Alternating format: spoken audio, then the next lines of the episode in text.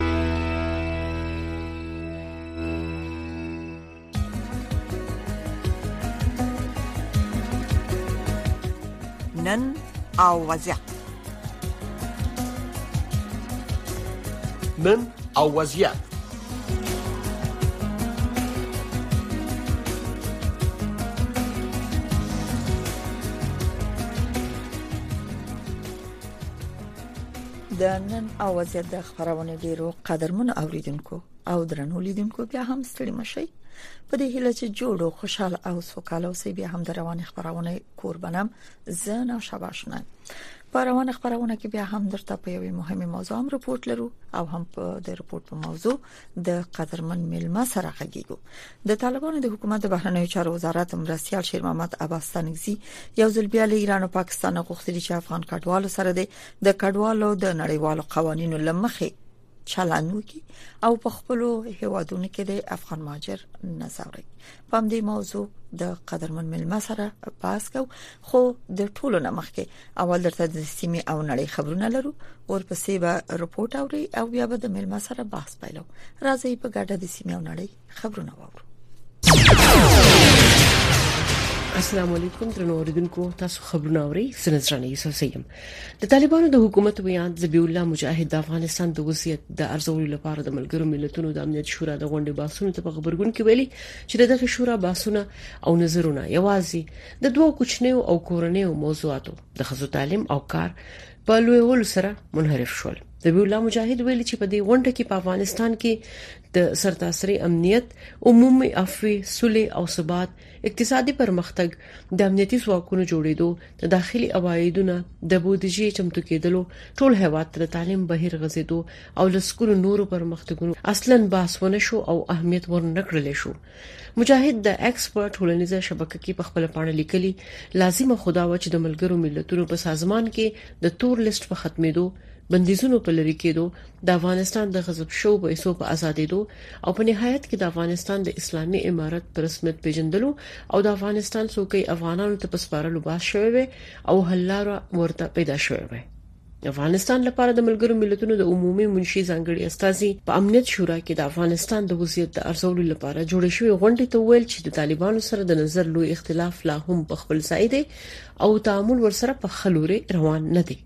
د امریکا د جمهوري غوښتونکي ګوند اووه کاندیدان نن چهارشنبه د جمهوري ریاست د ټاکنیزو مبارزو دویمه مخامخ مناظره کوي. نور تفصیل زموږ د همکار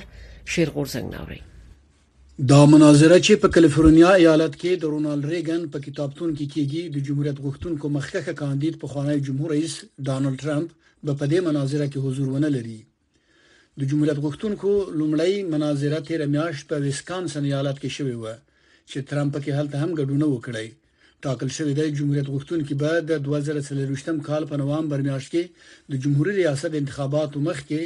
د جولای په میاشت کې د خپل ګوندي غونډې په ترڅ کې رسمي کاندید اعلان کړي غورځنګ د امریکا غږ واشنگټن روسیې د سه شنبې په ورځ یو ویډیو خپره کړه چې پکې د توري بهیرې د پوځي ماڼوګانو قوماندان وکټور سکالوف ښایي دا کس دی چې یو ورځ مخکې تر دې ویډیو خبرېدلو یوکراین ادعا کړې و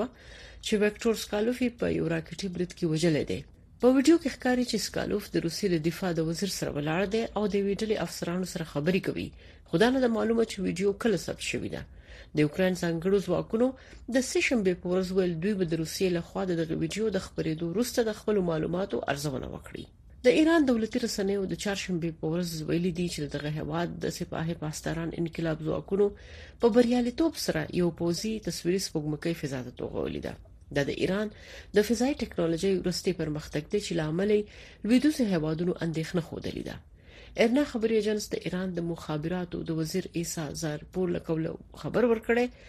نور درې تصویر اخیستونکو سپوږمکۍ په بریالیتوب سره د ځمکې نه 350 کیلومتر لوړ په مدار کې ځای په ځای شوې ده د عراق په شمال نینوا ښار کې چارواکو خبر ورکړی چې د عیسایانو د واده په مراسمو کې د ورلګیدلو لامل لک تر لګسل کسان مړ شوي او تر یو سلو 50 زیات زخمیان شوي دي دغه اورلګیدنه د سه شنبې په ماښام د نینوا ولایت په همدانیا ناحیه کې رامنځته شوې دا سیمه د موصل ښار ته سیرمه د عیسایانو ګڼ میش ښار بلل کیږي چارواکو تر اوسه نه د معلومه کړي چې دا اورلګیدلو اصلي علت بسو خو د کوردانو یو خبري ټلویزیون په لومړنیو خبرو شو معلوماتو کې ویلي چې ممکنه د واده په ځای کې د اورلوب لامل دا اور لګېدلی وي. د شمالي کوریا دولتي خبري اژانس د چهارشنبې په ورځ وویل چې هېواد یې پرېکړه کړې چې د متحده ایالاتونو سرتېری تروس کینګ چې د جولای په میاشت کې د جنوبي کوریا نه شمالي کوریا ته د غوښتلو وروسته توقیف شوی و بیرته له دې هېواد نه وباسي د شمالي کوریا دولتي خبري اژانس هم د شان ویلي چې د تحقیقاتو د بشپړولو وروسته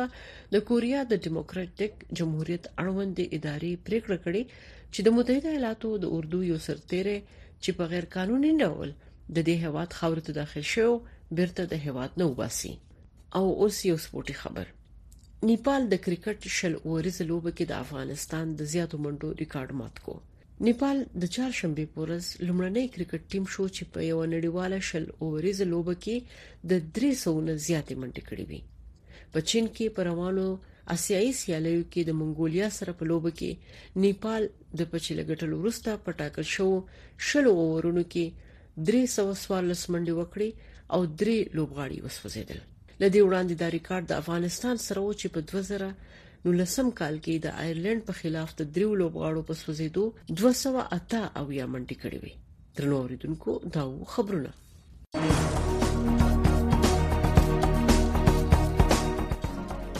نن او وضعیت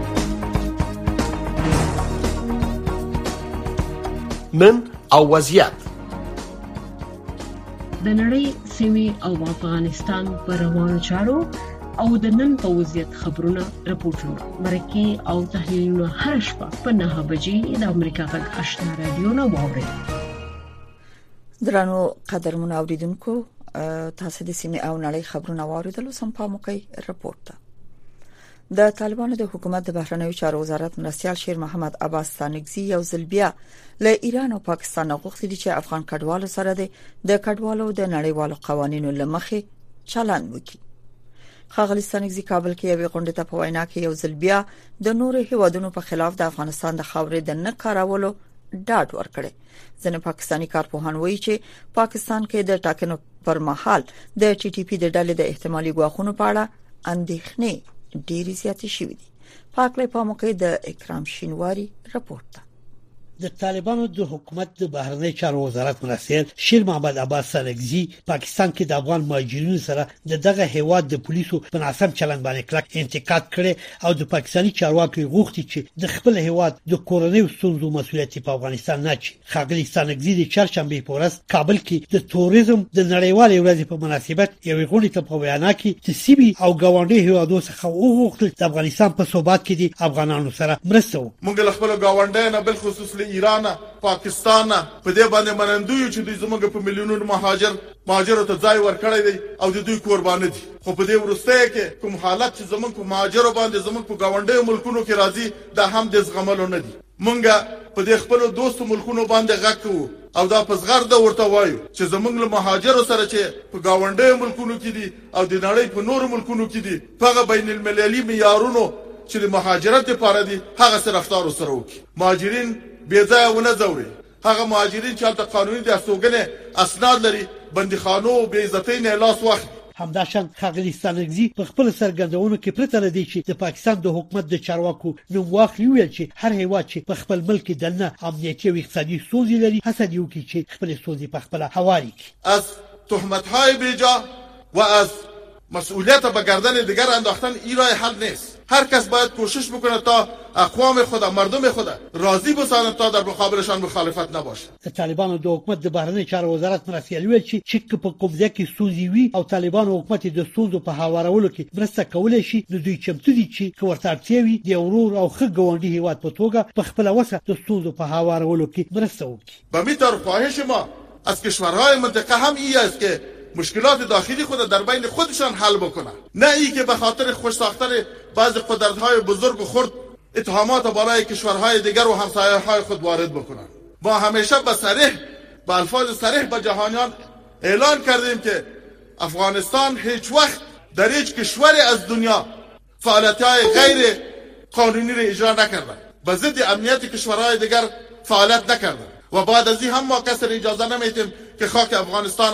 علیه کشورهای دیگر بالخصوص کشورهای همسایه ما استعمال بکنه په دې وروستیو ورځو کې د پاکستان د حکومت ځینو لوړپوړو چارواکو په ملګرو ملتونو او نورو نړیوالو کنفرانسونو کې د طالبانو په حکومت د پاکستان د حکومت وسلوالې مخالفې ډلې تحریک طالبان پاکستان ته د پټنځایونو د برابرولو او د دغه هیواد په خلاف د افغانستان د خاورې د کارولو په اړه ادعاوې کړې دي همدا شال په دې وروستي ورځو کې په پاکستان کې د افغان کډوالو د نیولو او په زندانونو کې د اچولو په اړه ریپورتونه ورکړل شوي دي د پاکستان د کراچۍ په ښار کې د افغانانو ټولنې د معلوماتو لمخې یوازې په تیرو څو باندې دوه ورځې کې په دغه ښار کې له اوسو څخه زیات افغان کډوال نیول شوي او په زندانونو کې اچول شوي په اسلام آباد کې د سیاسي چارو یو کارپوه حسن خان وایي چې پاکستان په افغانستان کې د تحریک طالبان پاکستان د ډلې د فعالیتونو او د سرحد هغې غاړې ته په پاکستاني امنیتي ځواکونو باندې د بریدونو په اړه اندېښنې لري دی وایي چې دا اندېښنې پاکستان کې د روانو پارلمان ټاکنو پر مهال لا زیاتې مطرح کیږي ټي ټي پي دا وخت پاکستان ته یو ډیره غټه مسله ده بل پاکستان کې دا هم احساس دی چې را روانو سو میاشتو کې په انتخابات کېږي جنرال انتخابات کېږي نو په هغه کې هم د که ټي ټي پي د طرفه داسې کارويانې وشولې نو هغه به ډېر لوی نقصان وي او د هغې سره به انتخابات چې کوم دی هغه به هم متاثره کېږي. يوی پاکستاني چارواکو په پرله پسې ډول خپلې اندېښنې د طالبانو حکومت ته رسولې دي. حسن خان وي پاکستان هڅه کوي چې په افغانستان کې د تحريک طالبان پاکستان د وسله والې ډلې د شتون مسئله د طالبانو د حکومت سره د خبرو له لارې هواره کړي. د ملګرو ملتونو د عالي کمېشنرۍ د معلوماتو له مخې اوس مهال په پاکستان کې درې اعشاریه اووه میلیونه افغان کډوال اوسېږي چې یوازې یو اعشاریه څلور میلیونه یې د کډوالۍ قانوني اسناد لري دیش دقیقې د افغانستان او نړۍ په تړاو د اونۍ پر مهمو پیښو رپورټونو او مرکو زغلند نظر هر جمعه د افغانستان په وخت د ماخام د 9 بجو نه تر 9 پورې او د واشنگټن په وخت د سهار د 10 نیمو نه تر 11 پورې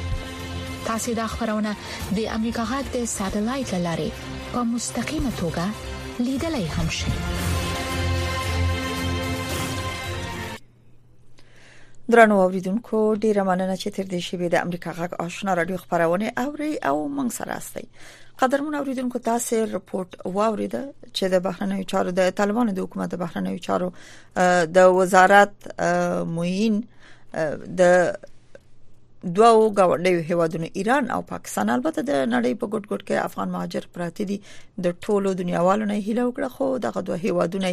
یاد کړل چې دوی باید د افغان مهاجرو سره خپل چلن بدل کړي یعنی خره او شور سره وکي انساني روش ورته وکي دوی په زندانونو کې وانه شي ځنه افغانان دا ادعا کوي چې د اسنادو د مکمل اسنادو سره سره بیا هم په دې هوادونو کې پولیس دوی سره داسې انساني سلوک او ښه چلند نه کوي دوی په زندانونو کې شپې ورځې تیري یا تهدیديږي یا د کاروبار معنی ګرځي نو په همدې اړه لنې کمرخه همدا شیبه عبد الحمید جلیلی په خیبر پښتونخوا کې د افغانستان د قنصلګرۍ په قنصلګرۍ کې د مهاجرینو د برخې په خوانی اتشار سره په لاین کې ده په پاکستان کې به د افغان مهاجرینو د وضعیت په اړه له دوی نه جواب واخلو یا پښتنه به سره مطرح کو بحث به دې سره پیل کو جلیلی صاحب ستړي مشه خبرونه ته سلامونه ونکي هلي تاسو ته او تاسو زراري تاسو محترم او قدرمن قدرمن اوریدونکو کوروم ودان جلیلی صاحب تاسو ډیر وخت په پا پاکستان کې وای او د افغانستان قونسلګرۍ کې د ماجرینو په برخه کې ډیر کار کړي شاید ډیر موضوعات سره ای او واضح تاسو سره او دا پښتنه هم شاید تکراری ول په پاکستان کې افغان ماجرین ډیر زوريږي د د یو کال نه دی یو خبره نه ده یو دلیل نه دی اما همیشه ور سره د څه چلن کیږي چې هغه څه ویم غیر بشري او غیر انساني سلوک دی ولی زه غواړم چې دغه دغه تاسو پښتنې د خاطر دوه قسمه توجیه کوم یا دوه قسمه جوابونه ورکم لومړی دا دی چې د مهاجرینو موضوع په دغه خصوصا په دغه پاکستان او په ایران کې همیشه د سیاسي کشمکش ښکار شوې ده کله چې دوه هیوادونو د افغانستان او پاکستان افغانستان او د ایران په منځ کې تعلقات خراب شي د یو فشار د نقطې په اساس یا د امتیازګيري په اساس باندې د مهاجرینو زورول یا دغه اذیت رسول نیول شکنجه کول او یا بندین کول بارډر پاس کول په دغه ارتباط باندې دا همیشه شوی دي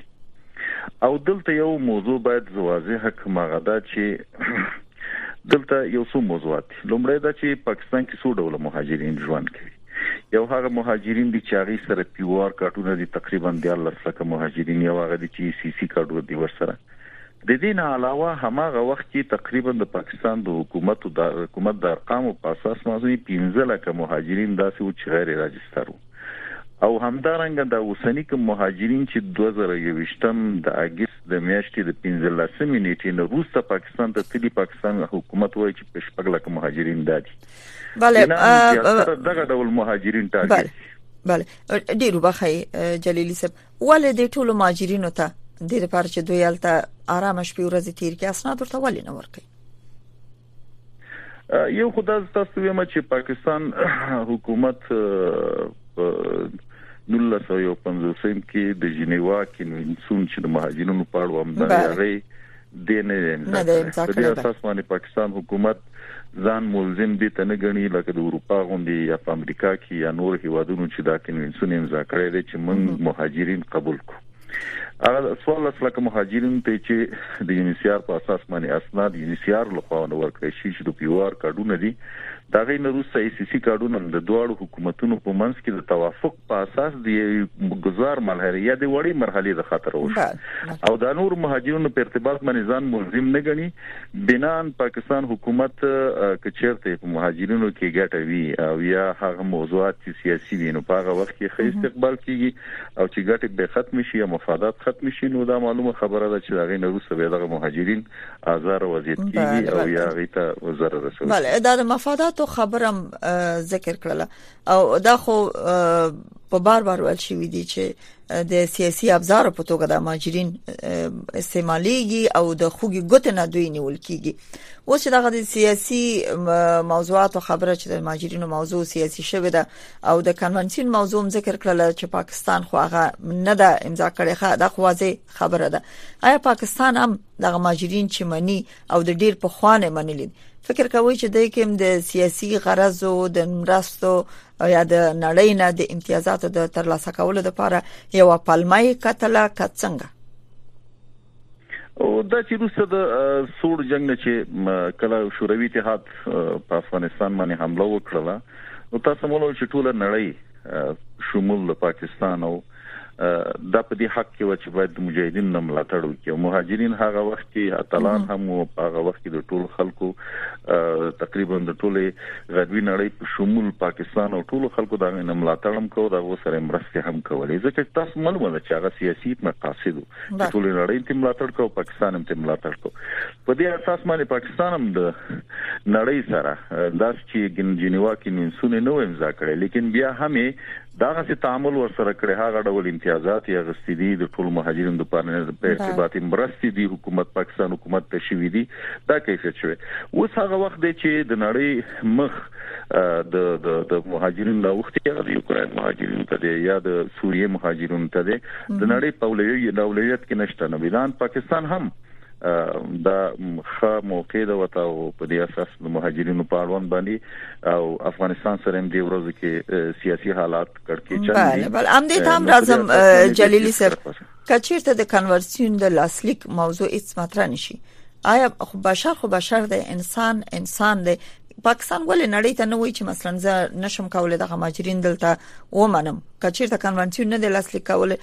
لاسلیک شوی نو دا خو کول شي هغه مرسته چې په پا پاکستان کې د ماجرینو سره کیږي خو کېدې شي چې په افغانستان کې دغه میلیارډونه ډالر کم مصرف شي نو خلک به زړام خني کې د افغانستان نه وټلو ته یو کار او روزګار او هرڅه به سمي بل دا چې دا سم ویل کیږي جلیلی صاحب چې کوم مهاجر چې پیسې دار دي کاروبار لري سرمایه گذاري کوي په پاکستان کې ولو که اسناد هم ونه لري مګر د پاکستان د قبول وړ دي ځکه چې هغه خپل کاروبار لوزګار لري او یو څه ګټي پاکستان رسیږي اما غریب سره بیا هم داسې راوښته چې موږ تاسو په رپورټونو او خبرونو کې اورو او ګورو دا تر کومه حد سمه ده یو خبره چې مخکې تاسو وکړل چې پاکستان حکومت نړۍ ته والی نه وایي پاکستان حکومت په هغه وخت کې چې په تریپایټات یا سی جانبه کې و د افغانستان سره ناس نو همیشه به دا موضوع یادوله په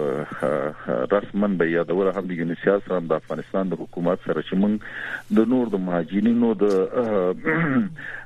د د کور کوربتوب د خاطر معذرت غواړو دا وی څو دلایل ذکر کړو لمړی دلایل دا دی چې په افغانستان چې کوم مهاجرین پاکستان ته راغلي هغه په څو ډول دي بیران من هر یو ته بیل قانون سازي د خپل پارلمان نه نشو کولای چې هر یو د ای سی سی د خاطر بیل پیوار د خاطر بیل هغه مهاجرین چې د پاسپورت ویزه وخت ختم شوی داغی دخاطره بیل چی باډر نه غیر قانونی راغلی داغی نه بیل دی دلته مونږ ته داخلی مشکل دی دویم یی د سکورټی معاملات ویل چی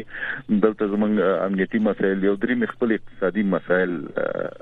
دلته یادونه کوله چی دغه کیفیت دی نو پاکستان حکومت د پخوانه هم په دی ارتباط معنی دا موضوع یادوله چی باید مونږ مونږ نور د مهاجرینو د د تقبل دغه نه خو بیا په پښتون تاسو هغه ذهن نه وته د سرمایه گذاري خبره و چې هغه ماجرین چې غواړي یالته د سرمایه گذاري د سرمایه گذاري خبره ده لبد مرغه کله چې افغانستان کې کڑکیچ راغی نه یوازې پاکستان بلکې ایران هم او سګاونډي هوادونه هم هغه افغانانو ته ډیره ترجیح ورکړله چې هغه سرمایدار اوسېږي اوس مهال که تاسو ته معلومه وي هغه مهاجرین چې پیسې دار دي هم په اسلام آباد کې او همدارنګه په ډیرو غټو غټو کورونو کې او رهایش کې همدارنګه په پیښور کې په کوه کویټه کې همدارنګه زیاتره پاکستان پوهیږي چې دغه خلکو پاکستاني اسناد هم غیر قانوني جوړ کړي خو هلته کاروبار کوي هغه ته څه نه ویل کیږي نفس نفس موضوع هم په ایران کې ده چې کله ایران ته تللی مو هغه مهاجرین چې هلته پیسې دار دي هغه ته شوټیږي حتی اوس داسې په دغه جوړ شوی دي چې حتی د سپای پاسداران لخوا نه داخل افغانستان نه هغه افغانان دعوتیږي چې هغه پیسې دار دي چې په ایران کې انویسټمنټ وکړي سرمایه گذاري وکړي همدارنګه هغه مهاجرینو ته نړیوال مهاجرینو ته په ترکیه کې هم تقریبا دا فسیلیټي ورکول شوې ده چې اکثریت افغانان هلته دي او ترکیه نشټلیټي هغه څه په ډیر کم پیسو په لکه یا دوه یا درې لکه ډالر باندې متاسفانه دغه موضوع شته چې هم ته ګاونډیانو استفاده کړې ده هم نورو نړیوالو ته استفاده کړې که د طالبانو او د پاکستان د حکومت اوسنۍ د وضعیت او چلن ته یو بل سره وکتل شي په پاکستان کې په دې ورستیو کې د نامنۍ ډیره ملامتي بیرته په افغان طالبانو چې گویا دوی د ټي ټي پی سره مرسته ونه کړه د دوی د آرامولو کې یا خبرو ته ناست د لپاره نو دوی ډیره ملامتي دی خورا اچي دغه موضوع څومره د افغان ماجرینو ژوند په پاکستان کې تاریخ کړي دا موضوع خو یقینا یو خدا ستاسو ته وایم چې پاکستان د حکومت د خپل ارقامو په اساس باندې افغان مهاجرین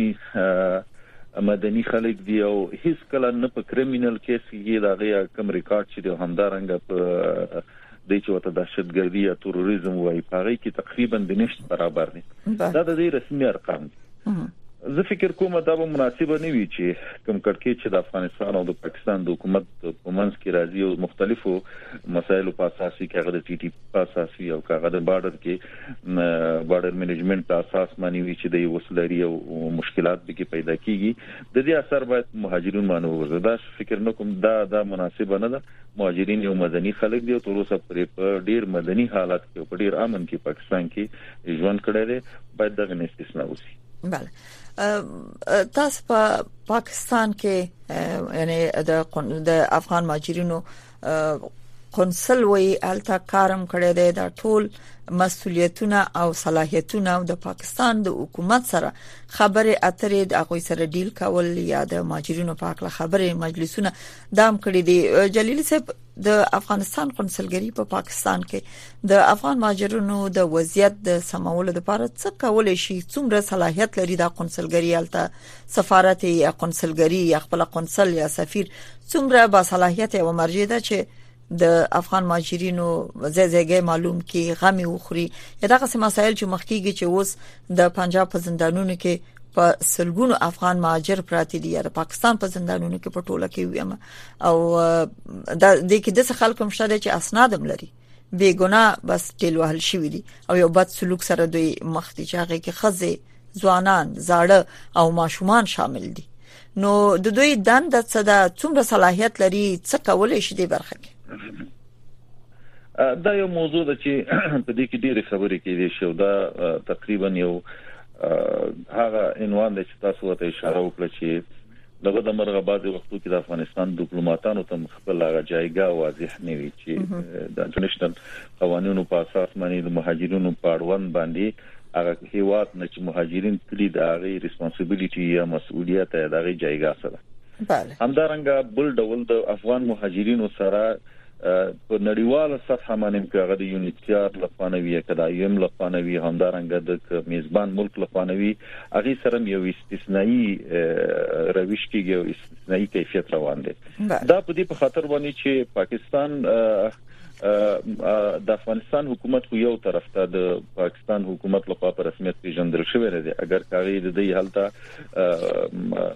نمايندګۍ موجودې دي، سفارت هم موجود دی، قونسلګرۍ هم موجودې دي، خو زه فکر نه کوم چې هغه تعامل به ورسره يونيسيار وکړي او يا هغه تعامل چې مناسب وي هغه به ورسره د پاکستان حکومت رسمي مذاکراتو کې وکړي. تر اوسه پورې تقريبا دې دوو کالو کې زموږ سه جانبه يعنې ترسره شوې نه ده چې افغانستان، پاکستان او يونيسيار يعنې ملل متحد وي او دا هر کال به دا ترسره کېدله. اوس نن ما یو راپور ولوس چې د افغانستان او بخې جلیلی صاحب تاسو خپل خبرو ته دوام وکم دلته وړه پښتنه لرم ولې د غونډې د درې جانبه ناس تاسو په نظر نه دی شوی آیا نړۍ ته موږ د افغان ماجرونو شتون په پاکستان کې به ارزښت شي وي دي یا د بشري اړخ له یاد ایستل د دوی که څنګه ځکه نړۍ خو دغه اصول ته ژمنه ده که پاکستان ژمنه ده همدې موضوع ته زر همدې موضوع ته زر چې پاکستان نه پاکستان حکومت او نړۍ وی چې د افغانستان اوسنۍ حکومت چې دغه پر رسمیت نه پیژني او نن هم په یو خبر کې ما ولوستل چې سرپرست سفیر چې دغه د یونیسیار د ادارې او د پاکستان نګیله کړې ده چې موږ سره هیڅ ډول تعامل نه کوي هیڅ ډول ناستې نه کوي نو بنان دار یو رسمي چینل په اساس باندې به وزیر د مهاجرینو هلته لاړ او د مهاجرینو سره به مو کتل او هلته به د پاکستان حکومت سره مو کتل او همدارنګه به د یو سي آر کې ټول مسایل به په هغه پینل کې هغلته مطرح کېدل او هلته به فیصله کېدي او د غزینه به د ټولو مسایلو او د ټولو مشکلاتو او هغه فیصله به چې کېده هغه ابزرویشن به کېده لیکن اوس مهال هغه سیاسي جانبه تقریبا دا دوه کاله کیږي چې بالکل نشته او نړۍ وایي چې دا په اصطلاح یو ډیفیکټو تعامل نړۍ خپل کړی دی چې د افغانستان د حکومت سره او دا یو غټه مسله ده دویم لوري ته د پاکستان حکومت باندې کډیر زیات یعنی ډیپلوماټیک فشار راوړل شي په دې ارتباط باندې نو هغوی پخوا هم دغه موضوعات افغانستان حکومت ته مطرح کړي دي چې تاسو دغه مهاجرین چې اوس دلته راغلي دي په خپل هیواد کې د تاسو نه راغلي دي او هلته تاسو ورته حقوق نشي ورکولای نو تاسو دا حق نه لري چې زمونږ په هیواد کې د هغوی د حقوقو پوښتنه وکړي دا مهاجرین ځکه چې تاسو که د دوی د حقوقو پوښتنه کوي تاسو باید دې ته دا جوګه شي چې په داخل افغانستان کې دوی ته هغه حقوق ورکړي دوی ته هغه سہولتونه ورکړي چې هلته لاړ شي نو دغلته د افغانستان د حکومت یو کمزورې پوینټ شته دی چې مهاجرین هم نه غواړي چې افغانستان ته په اوسنی حالت کې ستانه شي او پاکستان حکومت هم په دې ارتباط باندې تقریبا یو څه مسایل داسې لري چې په نیومه دقیقه کې همیشه د افغانستان حکومت ته دا ویل شوی دی چې تاسو خپل مهاجرین به خپل هیواد ته وغواړي او کوم حقوق چې موږ غواړي هغه حقوق به خپل هیواد کې ډیره مننه عبدالحمید جلیلی په خیبر پښتونخوا کې د افغانستان له قونسلګرۍ د ماجرینو د برخې آتشه کورم ودان چې په خبرونه کې برخه واخیسته ډیره مننه قدر من اوریدونکو د نن وضعیت خبرونه په همدې ځای پای ته رسیدي مننه چې تر دې شی به د امریکا غږ آشنا رادیو د خبرونو اوریدونکو وي په یاد مو باسي چې په څو لنډ شی وو کې ساسه د خوخي بل خبرونه ساسو غږ یا صداي شما پیلېږي